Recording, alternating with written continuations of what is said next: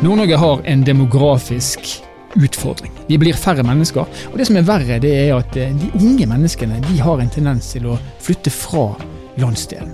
Hvorfor er det sånn? Kunnskapsbanken har laga en rapport der de har snakka med unge mennesker i Nord-Norge. Og De har spurt dem om eh, hva som er positivt, hva som er negativt ved livet i Nord-Norge. Og den rapporten den er nå tilgjengelig på Kunnskapsbanken, eller kvnn.no. I denne episoden av Nord-Norge i verden så skal vi belyse noen av de funnene som er gjort i denne rapporten. Dette er Nord-Norge i verden. Mitt navn er Stein Vidar Loftaas.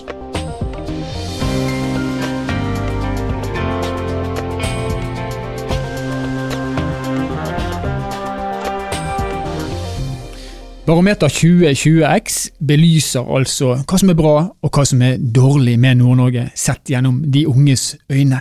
Eh, et av funnene er at eh, de fleste har egentlig lyst til å bli boende, men det må gjøres eh, grep det må legges til rette for at de faktisk skal kunne se sin fremtid i nord. Vi skal snakke med tre mennesker om de funnene som eh, er gjort i rapporten. Vi skal snakke med prosjektlederen, så skal vi snakke med en eh, retoriker som kan fortelle litt om eh, hvordan retorikk påvirker samfunnsdebatten i nord. Og så skal vi snakke med en ung politiker som faktisk har valgt å gå ut av en del sosiale medieforum, rett og slett fordi hun syns retorikken og samfunnsdebatten er blitt for spiss. Aller først så skal vi snakke med prosjektlederen for Barometer 2020X. Og velkommen til oss, Ingvild Brox Kielland. Takk, takk. Hvorfor trenger vi en oversikt over hva de unge egentlig mener om nesten det aller meste? Eh, det vi så når vi fikk utfordringer fra Samfunnsløftet i fjor, eh, på hvorfor så mange unge ikke fant sin plass eller finner sin plass i Nord-Norge, det var jo at man rett og slett ikke har spurt dem godt nok. Mm. Det er en undersøkelse bl.a. fra Nordlandsforskning som viser at unge voksne har det laveste demokratiskåren. Mm. Eh, og det betyr òg at de er mindre involvert i samfunnsutviklinga. Så vi kunne rett og slett ikke gå inn og svare på den demografiske utfordringa før vi tok tak i den demokratiske. Mm. Og nå er altså undersøkelsen ferdig, og en rekke unge mennesker har fått lov til å uttale seg om disse tingene. Og hvorfor flytter de? Altså Aller først burde man kanskje si at 63% av de unge svarer at de har lyst til å bo her de neste fem årene. Så det er jo på en måte Har, har lyst til å bo her. Har lyst til å bo her, Forventer ja. å bo her om uh, fem år. Mm. Uh, så det er jo bra. Uh, men det mm. de svarer, de, er en veldig tydelig trekk på de svarene som flytter, det er at de ikke ser karrieremuligheter. Kun en fjerdedel av de som flytter, mener det er bra karrieremuligheter i Nord-Norge. Så her har vi et synlighetsproblem. Men samtidig så vet vi fra andre undersøkelser at arbeidsgiverne sier at de har problemer med å skaffe kvalifisert arbeidskraft. Mm. Hva, hva, er den missing linken her mellom disse to uh, gruppene? Åpenbart synlighet. Man kan jo begynne å spørre seg er arbeidsgiverne på de flaten som de unge er på. Er vi tydelige nok i kommunikasjonen på hvilke muligheter uh, som eksisterer i landsdelen? Eh, vi kan jo dra over til et av de andre funnene når vi diskuterer det her. For det er jo at vi ser at unge hva vi er stolt av. Når vi spurte dem hva de er stolt av, så kan vi si én ting. Turismestrategien vår har fungert. Vi er veldig stolt av naturen, eh, av historie. Men vi er ikke stolt av samfunnsdebatten og politisk innflytelse. Hva ligger i begrepet samfunnsdebatten og politisk innflytelse? Det betyr rett og slett at måten vi snakker om i media, våre politikere, det de unge fanger opp av samfunnsdebatten som foregår utad, og i de politiske debattene, her er vi ikke stolt. Mm. Her er det en eh, mismatch mellom hva de unge er. Og det her så vi òg hvis vi går på de andre rapportene man har gjort siste året, fra Nye Stemmer og Ungdomspanelet til nordområdemeldinga. Så sier de jo rett og slett at uh, voksne kan dere begynne å skjerpe dere. Ja. Vi ønsker ikke den eh, debatten som er nå. Så det er noe med den debatten vi fører i landsdelen som gjør at de unge opplever en negativ holdning og ikke en positiv mulighetsholdning. Helt konkret, hva er det i debatten som gjør at de sitter med denne, denne følelsen? Det er polariseringa. Eh, det har vi ikke fra denne undersøkelsen, det har vi jo fått fra Nye Stemmer og de tidligere og Ungdomspanelet. Mm. Det er den polariserte debatten, og det de opplever som den manglende debatten inn mot eh, sentralt hold. Mm. Så de opplever rett og slett ikke at vi har den innflytelsen Nord-Norge burde ha Nei. Eh, i riksmedia og lokalt. Vi når ikke frem til hovedstaden der, der de viktige avgjørelsene tas. Men, men, polariseringen, si litt mer om det. For, Når de sier at debatten er polarisert, hva er det egentlig de, de da peker på? På godt eh, på si, på godt folkelig språk, krangling. krangling. At det oppleves rett og slett som skitkasting og krangling i samfunnsdebattene. Og at man da kanskje ikke føler seg så velkommen til å medvirke. Eh, å ta en del i det. For man liker rett og slett ikke retorikken, kan man kanskje si på en måte. Retorikken er en barriere. Mm. Men disse samfunnsdebattene de pågår jo i mange kanaler. Yes. Eh, I de tradisjonelle kanalene, avisene, mediene, eh, radio, TV. Og så foregår de selvfølgelig i større og større grad i de sosiale mediekanalene. Yeah. Men er ikke det slik at eh, ungdommen også er aktive i både god og dårlig språkbruk eh, i den debatten som foregår på sosiale medier? Eh, holdt på å si, nå kommer da andre undersøkelser frem som gjør at unge vegrer seg mer og mer å ta politiske debatter på sosiale medier, for de føler at da må de etterleve det så lenge. De er redd for å bli på en måte angrepet for meningen de legger ut. Så de eh, vegrer seg faktisk mer og mer på å ta del i samfunnsdebatten og i sosiale medier. Hva bør man gjøre med dette? For det første tror jeg man begynner å ta debatten på alvor. Mm. Dette har jo ikke vært debattert så mye. Man har jo begynt å ta en dialog om det, men jeg tror vi har noen politikere, vi har noen mediehus, og vi har noen som virkelig må begynne å se på hva er det her, eh, og hvordan kan vi skape en bedre debatt. Se litt inn i oss sjøl. Vi har kanskje sett mye over til England og USA på deres retorikk. Nå er det kanskje litt tid at eh, politikere, folkevalgte, også begynner å gå inn i oss sjøl. Hvordan er det vi agerer utad? Hva er det vi sier? Hvordan er det vi fronter Nord-Norge? Eh, Hvilken historie er det vi forteller om Nord-Norge? For det her har direkte påvirkning på om unge ønsker å bli i landsdelen. Mm. Og det er jo ikke bare våre egne politikere, det er jo òg på storting, på regjering, på hvordan er det vi skal føre en debatt om nord. Mm. Så du har retorikken i debatten som da kanskje er ganske lik i nord og i sør, men så har du da kanskje det spesielle at man opplever, de unge opplever at folk som bor i Nord-Norge og som deltar i samfunnsdebatten, de snakker ned sin egen landsdel. Ja. Hvorfor er det sånn? Du, da tror jeg du rett og slett må invitere flere inn her for å spørre de direkte. Eh, Jeg skal ikke legge eh, i munnen på hvorfor de politikerne gjør som de gjør, men det er et godt spørsmål. Hvorfor velger dere å ta den debatten dere gjør, på den måten? Så man håper jo at dette kan være en vekker for våre politikere og folkevalgte på å tenke Når vi vet at man har et demokratisk utenforskap blant unge, man vet at det er for få unge politikere, så er det jo òg et ansvar for de, som Nordlandsforskning sammen med KS la fram i sin sånn Framtidens demokrati, så er det her med å rekruttere unge inn i demokratiet en av fire hovedsatsinger Norge burde satse på. Mm.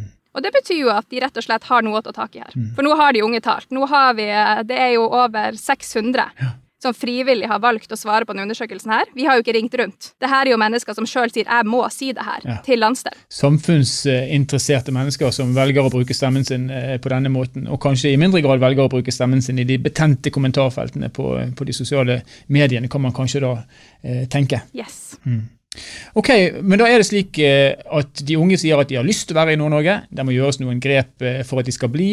Og så vet vi ut det vi allerede har diskutert, at jobbmulighetene de er jo her.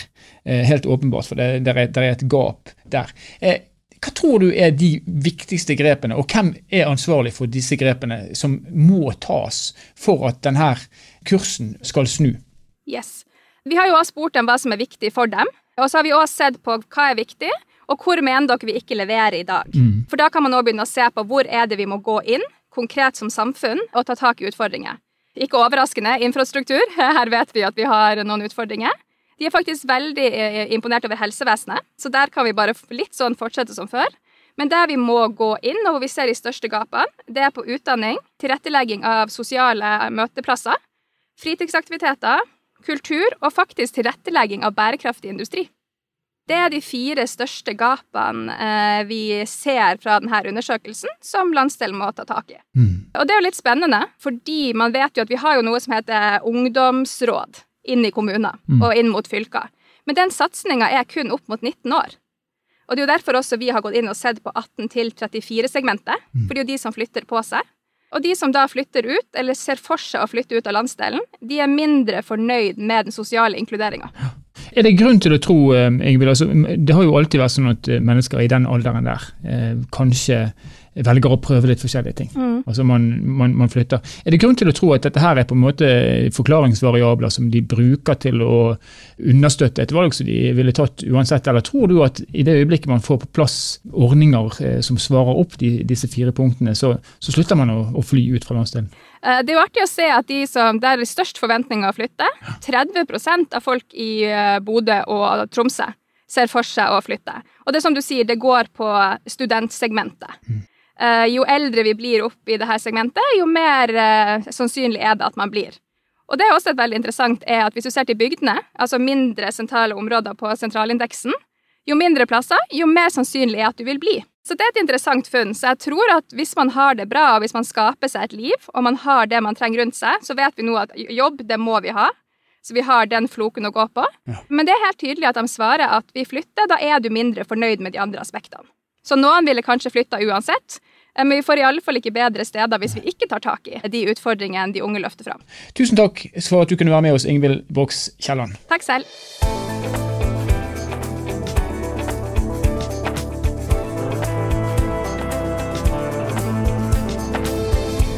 Og Da har vi med oss eh, Jens Elmelund Kjeldsen, som er ja, mange ting. Han er kommunikasjonsrådgiver, han er sakprosaforfatter, men han er også professor i retorikk og visuell kommunikasjon ved Universitetet i Bergen. Og velkommen til oss, eh, Jens. Tusen takk skal du ha. Du, du har forska på hvordan retorikken har utvikla seg eh, over tid, og, og, jeg vet at du, eh, du, har meninger om dette. Men hvis du skal gi oss et kort uh, overblikk over den utviklingen man har sett kanskje de siste 10 eller 20 årene, hvordan vil du beskrive endringene i det offentlige ordskiftet og i, i samfunnsdebatten?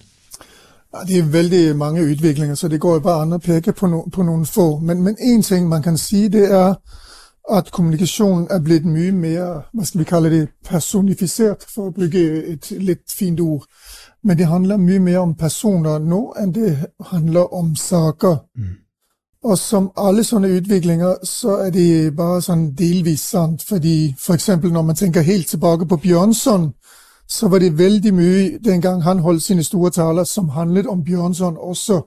Særlig når Bjørnson selv talte. Mm. Så det har, person har alltid vært viktig. Men den ene tingen er det ser ut til at person har blitt mye mye mer viktig. Og det ser vi f.eks. i USA men sånn som Trump. Fordi alt Trump gjør, handler egentlig om han selv. Mm. Uh, og det handler om hans troverdighet. Så han er et veldig godt eksempel på den ene tendensen. En annen tendens er jo noe sånt som fragmentering og hva skal vi si, kanskje en ny form for fiendtlighet, og det ser vi egentlig også med, med Trump. Men, men, hvem er det som påvirker denne utviklingen? For det, Nå nevner du Trump, men vi har jo sett utviklingen fra før han gjorde sitt inntog på den, den internasjonale scenen. Hvem er det som, som driver utviklingen?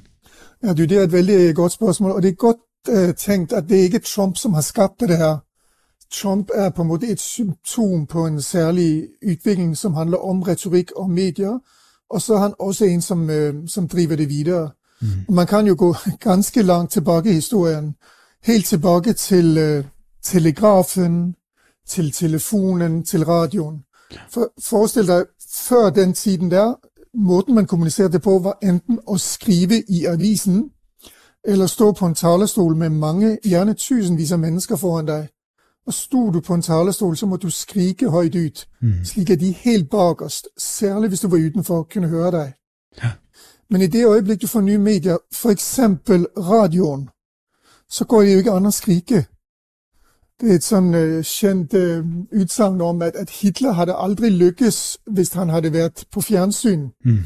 Og egentlig heller ikke på radioen, for han lykkes ikke spesielt godt på radioen. For når han på en måte snakket veldig høyt og ropte ut og holdt veldig lange pauser, som tilhørende kunne se, så kunne de som satt hjemme ved radioen, ikke skjønne hva som skjedde når det plutselig ble stille. Mm. Kanskje de trodde radioen var ødelagt. Mm. Men det som er poenget, er slik du snakker i ett medie, en talerstol, kan du ikke snakke i et annet medie, f.eks. i radioen. Mm. Og radioen for eksempel, har du mulighet for å hviske. Jeg kommer veldig tett på, snakker rolig og stille, og du kan likevel høre meg. Ja. Og fjernsynet gjør det enda mer. Nå har vi ikke bare lyden som kan bli veldig stille og rolig og følsom. Nå kan jeg gå helt tett på ansiktet ditt og se de små øh, forandringer som skjer når du gjør noe med din mm. talekunst. Så disse mediene gjør det, og de nye sosiale medier har på en måte videreført denne utviklingen mot de, mot de nye uttrykkene. Mm. Du bringer opp sosiale medier, og hvis man skal se på sosiale medier spesifikt, kommentarfeltene i sosiale medier, f.eks. Der har man sett en, mm. en, en ekstrem eh, kan si, stygg utvikling, eh, vil jeg nesten si. Eh, hva er det som mm. gjør det? Det? Blir vi påvirka av hverandre, eller hvem er det som gjør at vi faktisk velger å gripe til retoriske virkemidler som vi ville ha nærmest grått av for, for 20 år siden? Ja, nå må vi tenke på det igjen, som retoriker alltid sier, det kommer an på, det kommer an på, hvilke medier, hvem som er på medierne, og hvilken sak du snakker om. Mm. Det er eksempel nogle saker, som er særlig eksplosive, og det har vi studier, som viser Um, Ida Andersen ved Universitetet i Bergen, Eirik Vatnø, som jobbet på Universitetet i Bergen, nå er i Oslo, de har skrevet om, om noen av disse ting, blant annet. Og noe av det, som de peker på, det er, at det er særlige saker, som skaper hva skal vi si, denne fiendtlige tonen. Og det er veldig ofte moralske saker. Det vil typisk være saker, som handler om sånne ting som indvandring, øh, som ikke bare er sånn en praktisk ting, men skal vi ta flere enn eller andre. Det handler om dype kulturelle værdier. Øh, det samme gjelder sånne ting som feminisme, eksempel. Og det er interessant at når folk i Norge diskuterer Trump, så blir det veldig alvorlig også. Mm. Og det er jo ikke fordi det betyr noe for vår liv i hverdagen. Det er fordi Trump er ikke bare en politiker, han er en symbolsk verdi. Så når folk i Norge på en måte diskuterer han veldig hardt, så er det fordi han har en symbolsk verdi. Så det ene har å gjøre med sakene. Noen saker er eksplosive. Mm. Det andre har å gjøre med mediene. Altså Hvis vi tenker på at du og jeg sitter foran hverandre eller møter hverandre på en kafé, så det er klart så begynner jeg ikke å rope stygge ord etter deg mens vi sitter ved bordet. Men det er litt lettere når du ikke vet hvem jeg er, mm. hvis jeg gjemmer meg bak et pseudonym, eller hvis jeg bare skriver på tekst. Så du kan si bare det å skifte fra å skrive noe ned med ord inn på Facebook eller andre plasser, så er det helt annerledes og tillater meg, syns jeg selv, hvis jeg er en sånn som skriver sånt, og gjør andre ting enn hvis jeg står ansikt til ansikt ja. med deg. Ja. Og, og, mennesker som har skrevet veldig stygge ting, angrepet andre, hånt øh, kvinner og menn og alle mulige Hvis man konfronterer dem, så sier de nesten alltid Nei, det var ikke sånn ment, det var ikke så alvorlig. Ja. Og det vitner jo om at hadde de sittet overfor personen, så hadde kommunikasjonen vært annerledes. Ja, så kort sagt, det handler om en generell kulturell tendens som i veldig høy grad er basert på særlig verdibaserte saker og noen muligheter som bestemte medier gir. Ikke sant. Du, det snakkes om, og vi har undersøkelser som viser at de unge de blir mer og mer tause i sosiale medier når det gjelder samfunnsdebatten. Eh, og mange av de peker på en fiendtlig retorikk, eller eh, kan du si, en, en, form for debatt som ikke de ønsker å være med på. Kan vi tro at det kommer til å komme en motreaksjon på den utviklingen vi ser, eller hvordan tror du utviklingen vil bli fremover, for å stille et åpent spørsmål? Du, det er et godt spørsmål. Jeg har tro på de unge. Det har jeg. Jeg skjønner jo på en måte logikken, og det har jeg jo merket selv på egen kropp, at hvis man melder seg i samfunnsdebatten, og folk kommer med helt urimelige angrep, som ofte går på din egen person, så tenker man gidder jeg å være med på dette her? Er det så viktig? Samtidig så opplever jeg unge som veldig gjerne vil, øh, vil bidra til debatten. Jeg organiserer en nasjonal talekonkurranse for videregående elever som heter Ta ordet. Her opplever vi unge mennesker over hele Norge som mener veldig mye om mange ting. Om innvandring, om uigir-muslimene i Kina, om onani, øh, om å være stolt over ditt lokalmiljø. Alt mulig forskjellig. Så ungdommen i dag i skolen blir trent i å ta ordet og si sin mening, og gjøre det på en god og redelig måte og med sterk argumentasjon.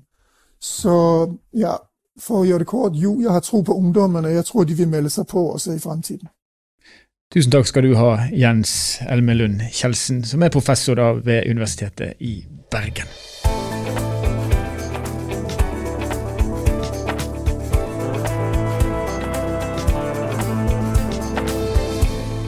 Unge nordlendinger de sier altså at det å delta i samfunnsdebatten det er vanskeligere og vanskeligere. Og En av grunnene er at retorikken som føres i spesielle forum da, etter hvert er blitt såpass stygg at man ikke har lyst til å delta i det hele tatt. Og Nå skal vi snakke med en, eh, en ung arbeiderpartipolitiker som sitter i kommunestyret i eh, Narvik, som egentlig kanskje deler disse refleksjonene. Velkommen til oss, Tina Denstad. Tusen takk. Takk for å bli invitert. Ja, gleden er helt og holden på vår side. Du, vi ser eh, fra en sak ganske nylig i, eh, i, Fremover at du har valgt å melde deg ut av et par nettforum. Ja. Hva, hva, ligger, hva ligger til grunn for den, eh, den avgjørelsen? Eh, Nei, det er Det er en sånn Rett og slett en sånn helhetlig vurdering jeg har tatt. Fordi at jeg er en av eh, kanskje ganske få lokalpolitikere her da, som har eh, prøvd å være aktiv i sosiale medier. Prøvd å bidra med eh, fakta og svar på eh, ting som blir stilt. Og i tillegg også har jeg brukt det som en portal for min del da, til å løfte spørsmål inn mot administrasjonen og kommunen. Så jeg har jo deltatt litt der. Og det har vært Jeg har bare sett at det har blitt et sånn utrolig massivt negativt eh, vinkling på egentlig alle tema. Eh, og rett og slett funnet ut at det er så lite konstruktivt. Eh, og man blir nesten deprimert av å lese om hvor forferdelig alt er, og hvor udugelige alle politikere er. Mm. Så da fant jeg ut at det der må jeg ta en liten pause fra. Men er ikke sosiale medier er ikke det i utgangspunktet en, en, en viktig kanal for dere som lokalpolitikere for å, for å kjenne lokalsamfunnet deres på pulsen og, og, og for å få informasjon om hva folk er opptatt av? Jo, absolutt. Og det er jo det jeg òg har ment, og det er derfor jeg har eh, vært aktiv der. Um, men man, hvis man føler man eh, overhodet ikke får noe konstruktivt ut av det, så må man nesten ta et valg om, eh, om det gir deg noe, eller om det bare tapper. Ja. Ja. Tenker du at Ligger det en, en, form for strategi bak dette her, eller hva, hva er det som gjør at, at, debatten kommer til et sånt lavmål som det du beskriver? Ja, nei, jeg, jeg, tror ikke det er en strategi blant innbyggere om at vi vil eh, være så negative som mulig. Men eh, det er vel kanskje en litt sånn en liten snøball som ruller og folk hiver seg på. Eh, det tror jeg jo. Eh, mm. og så selvfølgelig Kommune-Norge, i hvert fall i nord og små kommuner, eh, har jo ikke den beste økonomien. Eh, så, og samfunnet endrer seg, så det skjer jo mye. Og folk generelt er jo negative til endring. Og det skal man både ha respekt og forståelse for. Eh, så når ting endres i eh, hverdagen til folk, så reagerer man jo. Og det syns jeg jo er helt riktig. Det skal man få lov til, og det er viktig å gi uttrykk for.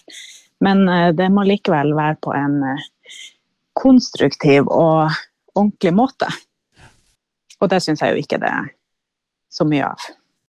Men nå er det jo sånn at de sosiale mediekanalene de er tilgjengelig for de aller fleste, og de er viktige. Det er en mulighet for folk til å, til å ytre seg. Eh, og Samtidig så, så, opplever vi altså nå at, eh, at, kloke mennesker, og unge mennesker også eh, generelt, trekker seg unna debatten i disse kanalene fordi at de opplever det samme som, som du eh, har opplevd. Hva skal vi gjøre for, for, å berge oss inn igjen på tørt land, tenker du? Ja, eh, vi må jo først og fremst begynne å si ifra. Eh, sånn at folk kan tenke seg litt om. Mm. For det er jo klart, hvis man eh, er i et miljø, det er jo uansett om det er et miljø eh, fysisk eller på nett, så blir man jo påvirka av hverandre. Og hvis det er sånn sjargongen er et sted, så blir det normalen. Eh, og da er det jo viktig at noen sier ifra om at det er ikke greit. Så det er jo det første man må gjøre. Og så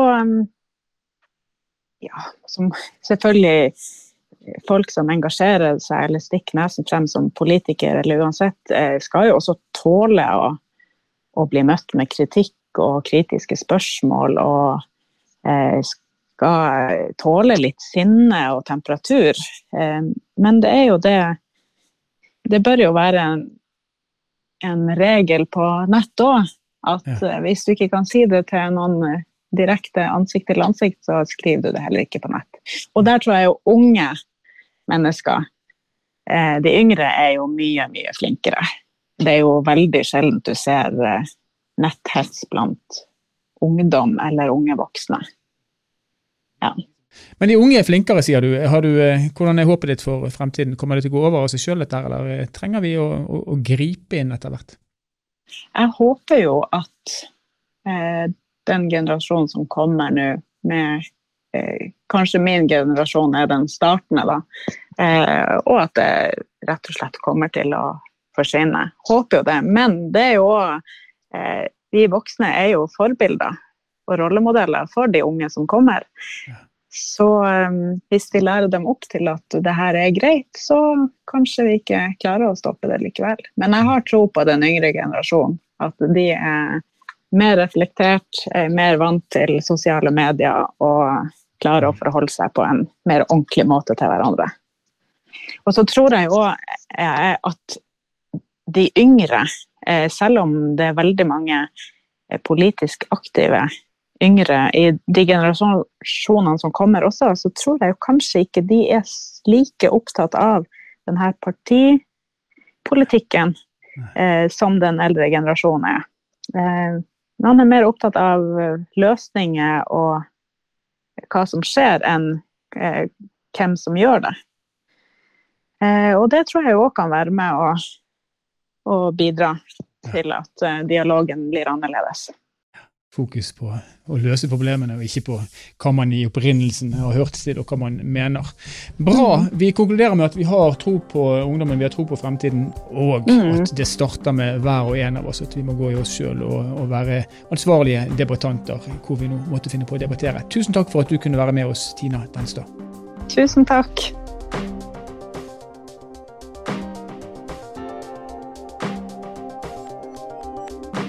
Barometer 2020X den forteller oss altså ja, at noe må gjøres for at eh, ungdommen skal velge å bli boende i Nord-Norge. Man må se på eh, utdanningssystemet, man må se på muligheten til etter- og videreutdanning, da sett fra et eh, arbeidsgivers perspektiv. Og kanskje viktigst av alt, vi må alle gå i oss sjøl i forhold til hvordan vi opptrer i samfunnsdebatten. Slutte å snakke ned Nord-Norge, slutte å snakke ned de som ønsker å ta ansvar politisk, og generelt, kanskje kan man si, vise litt mer folkeskikk når vi deltar i debatten.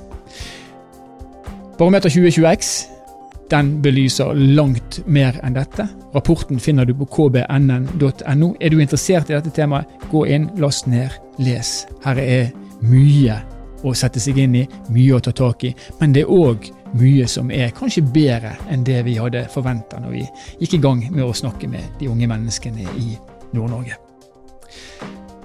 Nord-Norge Verden er en podkastserie som er produsert av Sparebank1 Nord-Norge i samarbeid med Helt Digital. Musikken du har hørt er laget av Emil Karlsen. Mitt navn er Stein Vidar Loftaas, og vi høres igjen i neste episode.